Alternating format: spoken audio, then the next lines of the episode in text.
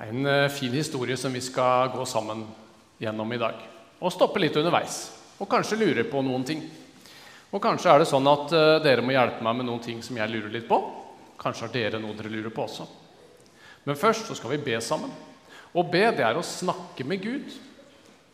Og akkurat nå så har jeg lyst til å snakke med Gud om at han må være med oss, sånn at vi forstår litt av det vi leser. Kjære Gud, takk at vi kan snakke med deg, og at du hører etter. Nå ber vi om at du må være med oss, sånn at vi kan lære litt om deg og forstå mer om deg i den historien vi skal lese. Send din Hellige Ånd, sånn at ordet blir levende og vi forstår det vi leser. Amen. Historien vi skal lese, den står i apostelgjerningene kapittel 8. Apostelgjerningene det er boka om de første kristne. Dere vet, De som levde etter at Jesus hadde dødd og stått opp igjen, og så reist opp til himmelen, sånn som vi kan se på det bildet der borte. Helt til høyre så ser vi bildet av Jesus som maleri av Jesus som reiser opp til himmelen. Og disiplene som tar farvel. Ja, Nå hadde det skjedd, da. Og så skal vi lese om en som heter noe av det samme som en av dere i første klasse. Jeg vet ikke om det er noen som kan gjette. altså. Det var en av de første kristne. Um, han hadde et navn som en av dere i første klasse. Fint navn. Er det noen som har noen ideer? Han skulle ut på reise. Ja. Det er ikke så lett, Amelie. Johannes kunne det vært. Er det noen som heter Johannes i første? Det er en som heter Philip, er det ikke det? Philip. Vi skal høre om en som heter Philip i dag. Og Han var en mann som elska Jesus. Han fortalte andre de gode nyhetene om Jesus, og at han var Guds sønn, og at han hadde stått opp fra de døde, og at han hadde reist opp til himmelen. og Han fortalte alt dette her til de han møtte. Og så hjalp han til å ta vare på de fattige og de som trengte mat i kirken. For det hadde han lært at det skulle man også gjøre. Skulle hjelpe de som trengte hjelp, sånn som Jesus hadde gjort. Han var en diakon. Da begynner vi å lese litt i den historien. En engel fra Herren talte til Philip og sa:" Gjør deg klar og dra sørover på veien fra Jerusalem til Gaza. Dette er en øde strekning.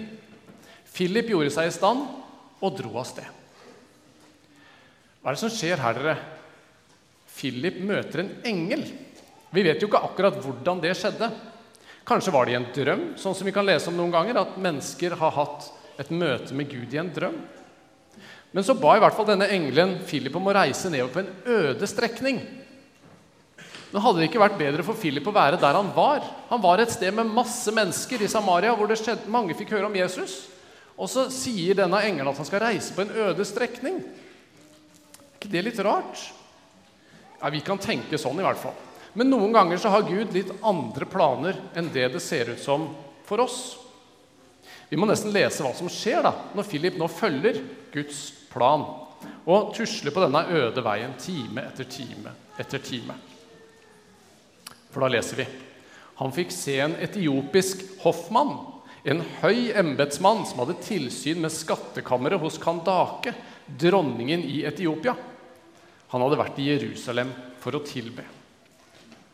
Philip han ser jo en kjendis, en som jobba hos dronningen i Etiopia. Og denne mannen han kjente til Israels gud. Han hadde vært i Jerusalem, ved tempelet, for å møte andre som trodde på Gud, og for å tilbe Gud. Men hva er det denne mannen gjør nå der i vogna si når han er tilbake, på veien tilbake fra Egypt? Er det noen som husker det? Vi skal se det ganske snart. Han leser. Nå var han på vei hjem og satt i vogna si og leste fra profeten Jesaja.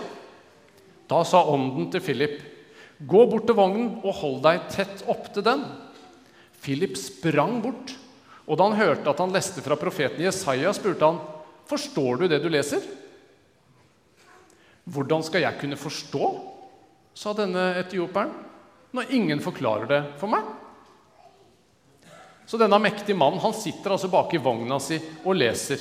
Det humpa sikkert ganske fælt, men lese det skulle han. Han var tydeligvis glad i bibelen sin. Og det var sånne ruller som de leste fra. Så han hadde tydelig en sånn rull da med Jesaja-boka på seg. Og han var glad i den bibelen, så han leste selv om det var litt plundrete der i vogna si. Og det håper jeg dere også blir, dere tredjeklassikere. Glad i bibelen deres. Det er tydelig for det er tydelig at det, er Gud, det er viktig for Gud å komme i kontakt med denne etiopieren. Han gjør ganske mye for å få det til. Han sender Philip på en øde strekning. Og nå sender han sin hellige ånd for å nærmest hviske Philip i øret. Gå bort til den vogna der, Philip. Og Philip springer bort. La du merke til det?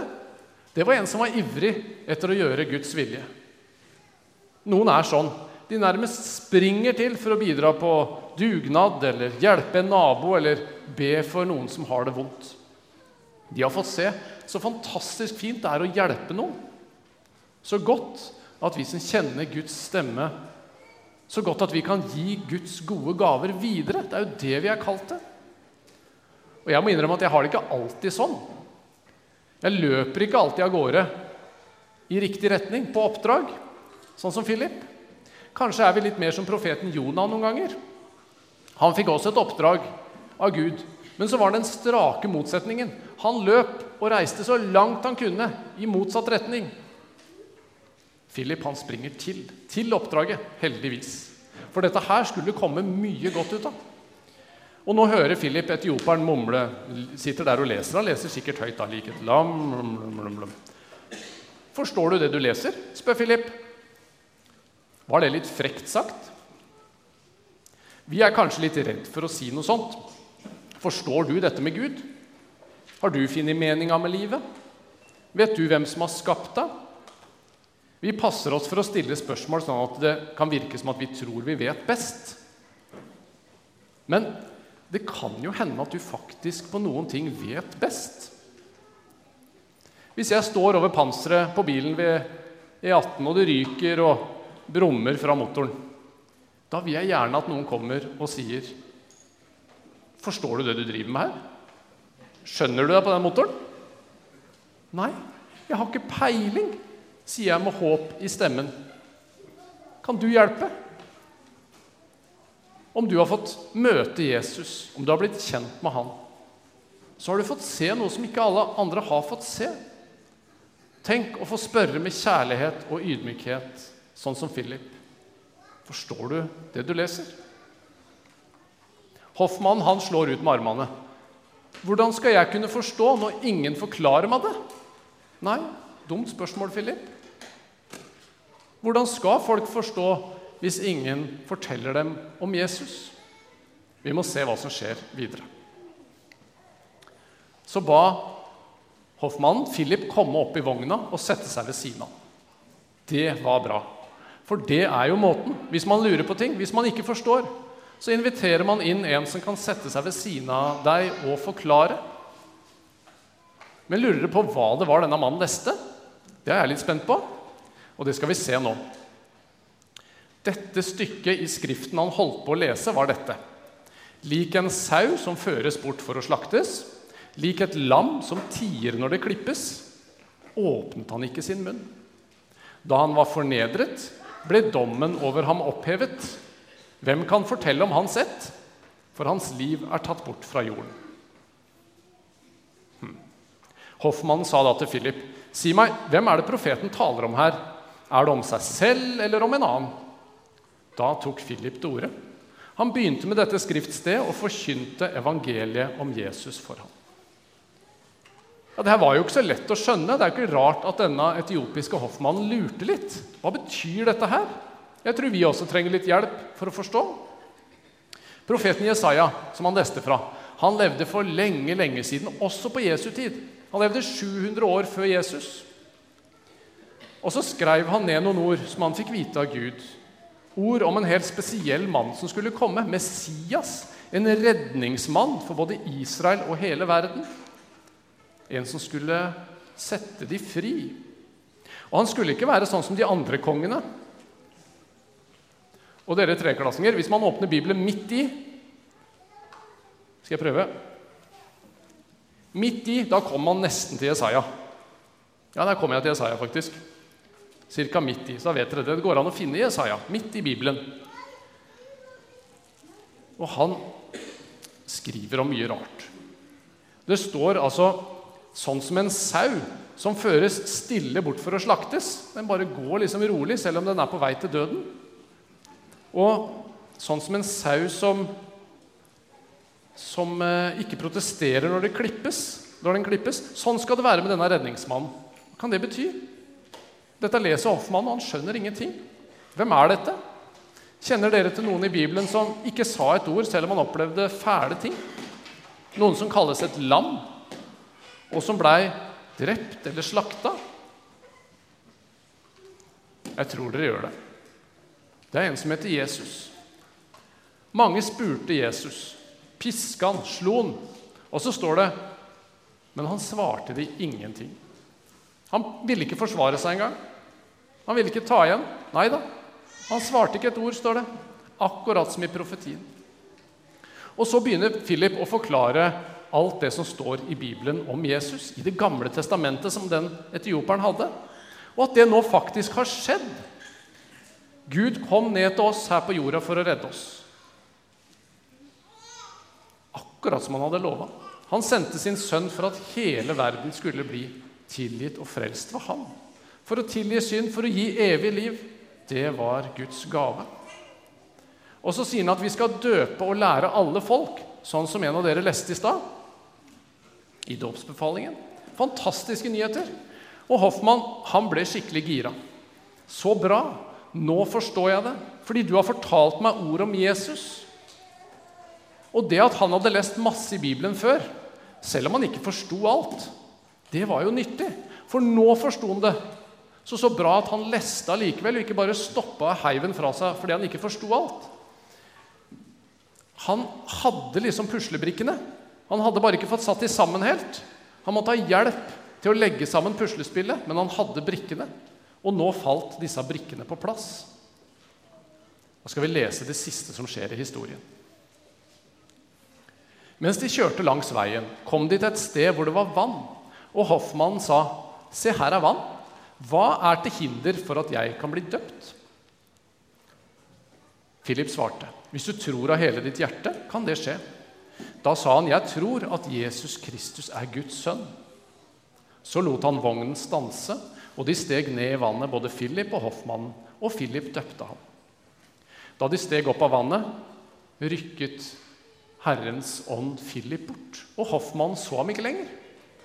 Han fortsatte lykkelig videre på sin vei i all verden.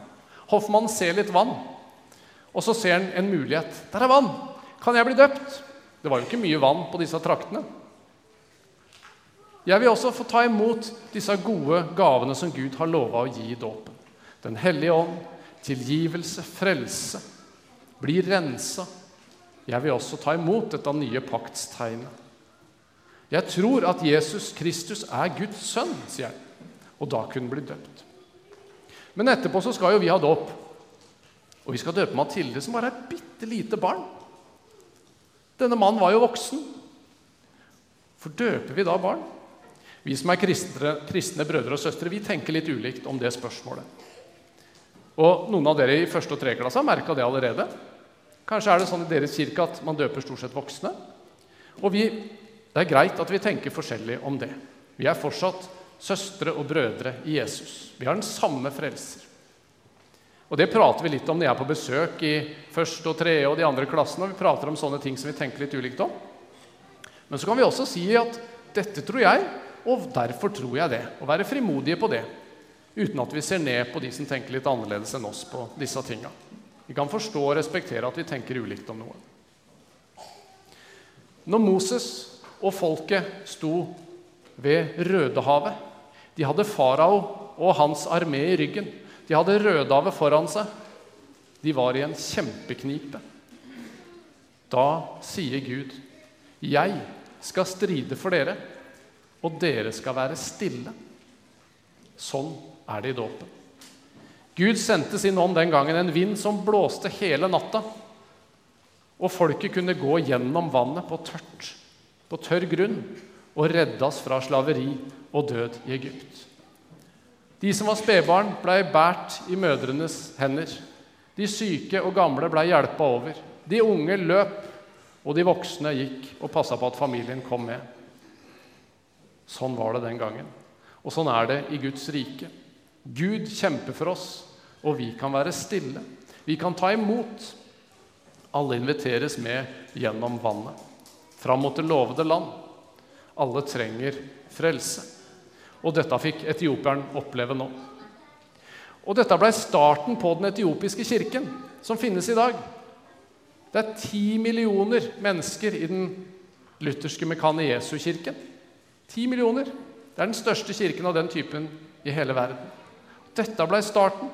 Nå skjønner vi kanskje hvorfor Gud sendte Philip på vei, en øde vei et, langt, et sted langt borte. Han hadde et viktig oppdrag. Sånn var det med de første misjonærene der nede nå i nyere tid også. De fikk fart i glørne igjen ved Guds ånd. Det kunne virke håpløst, men det var ikke det. Og Kanskje tenker du sånn om livet noen ganger at det er en ørkenvandring. Tørt og livløst, liksom. Mye vanskelig. Men Gud har en plan for ditt liv også. Kanskje er det én person som du kan tørre å spørre. Forstår du? Kan vi prate sammen? Eller kanskje skal du spørre en annen person. Kan du forklare meg det jeg leser? På den måten kan Jesus vise hvem han er for enda flere av sine elskede barn. For gjennom Bibelen, som dere har fått i dag, så møter vi faktisk Gud. Amen. Da skal vi synge en sang sammen igjen.